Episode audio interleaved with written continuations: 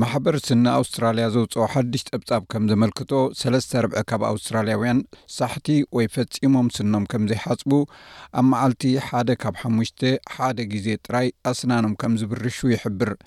እዚ ዘሻቕል ሓድሽ ሓበሬታ'ዚ ካብቲ ናይ ሎሚ ዓመት ካብ ሸውዓተ ክሳብ ዓሰርተ ሰለስተ ነሓሰ ዝኽፈት ሰሙን ጥዕና ስኒ ኣቐዲሙ ዝወጽኣ ሓበሬታ እዩ።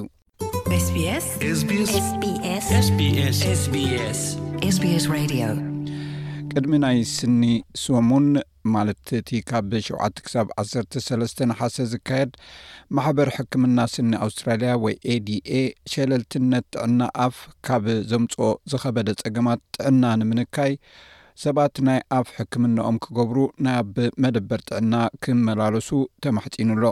እዚ መጠንቀቕታ እዚ ሎሚ ብኤዲኤ ዝወጸ ሓድሽ ምርምር፣ ሰለስተ ካብ ኣርባዕተ ወይ ሰብዓን ሓሙሽተን ሚእታዊ ዝኾኑ ኣውስትራልያውያን ሳሕቲ ወይ ፈጺሞም ስኖም ኣይሓጽቡን፣ ሓደ ካብ ሓሙሽተ ድማ ኣብ መዓልቲ ሓንሳእ ጥራይ ኣስናኖም የጽርዩ።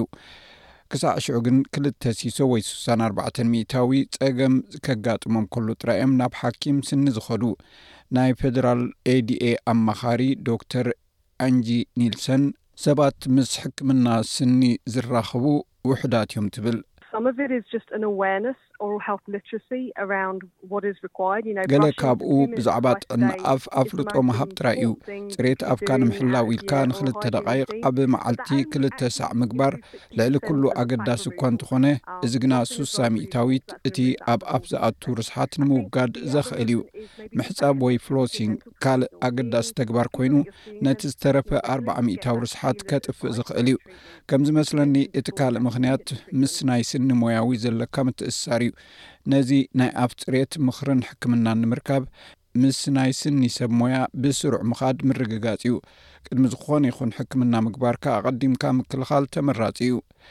እዚ ካብቲ ADA ዓመታዊ ዕስራን ሓሙሽተን ሽሕ ካብ ዝኾኑ ኣውስትራልያውያን ዝገብሮ መጽናዕቲ እተረኽበ ሓበሬታ ኮይኑ፣ ኣብ መንጎቲ ኣብ ኣፍ ዘጋጥም ነገራትን ኣብ ካልእ ክፍሊ ሰብነትና ዝህልዎ ጽልዋን ዘሎ ኣገዳሲ ምትእስሳርን ዘጉልሕ ኮይኑ ንሰሙን ጥዕና ስኒ ተባሂሉ ወጺኡ ዘሎ ሓበሬታ እዩ።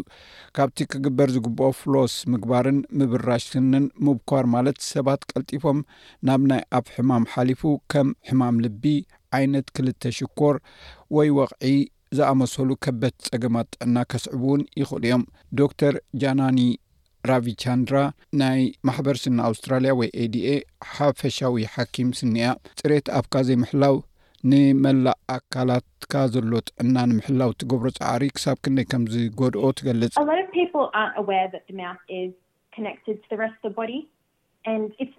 ብዙሓት ሰባት ኣፍ ምስ ካልእ ክፍሊ ሰውነት ምትእስሳር ከም ዘለዎ ኣይፈልጡን እዮም፣ ብቐንዱ ድማ ኣብ ኣፍ ብዙሕ ንኣሽቱ ሰራውር ደም ኣለዎ እዮም ዝብሉ። እቶም ባክተርያ ድማ ናብቲ ሰራውር ደም ዘለዎ ብምኻድ ናብ ካልእ ክፋል ሰውነትና ክኣትዉ ይኽእሉ እዮም። ጥዕና ኣፍካ ዘይምሕላው ማለት ብዙሓት ካብዞም ሕማቓት ጀርምታት ይኣትዉ ኣለዉ ማለት እዩ። ኣብ ኣፍካ ብሕማማት ናይ ምጥቃዕን ኣብ ዝተረፈ ክፋል ኣካላትካ ዘሎ ኩነታት ጥዕና ናይ ምጉዳእን ስግኣት ሓደጋ ዘስዕብ እዩ። ንምንታይ ኣውስትራልያውያን ነቲ እተሓበረ መምርሒ ዘይስዕብሉ? ዘሎ ምኽንያት ብዝምልከት መብዛሕትኦም ሰባት እቲ ምክንኻን ስኒ ዘይምቹእ ስለ ዝኾነ ይብሉ። ናይ ኤዲኤ ፕረዚደንት ዶክተር ስቴፈን ሊቭ ሰባት ነቲ ምሕጽንታ ዘይስዕብሉ ዘሎ ምኽንያት ክገልጽ ከሎ፣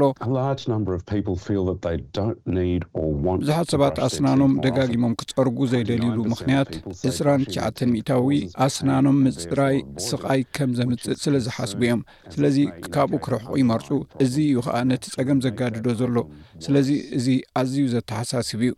ይኹን እምበር ኩሉ ሕማቕ ዜና ኣይኮነን። ሓምሳን ሰለስተን ሚኢታዊ ካባና ነቲ ግቡእ ኣብ መዓልቲ ሓንሳእ ንገብሮ። እቲ ዝበዝሕ ቴስዓን ክልተን ሚኢታዊ ድማ ናይ ፍሎራይድ መፅረዪ ንጥቀም። ዶክተር ራቼንድራን ፅቡቕ ልማድ ፅሬት ስኒ ንኸተማዕብል ቀሊል መገድታት ከምዘሎ ትገልፅ።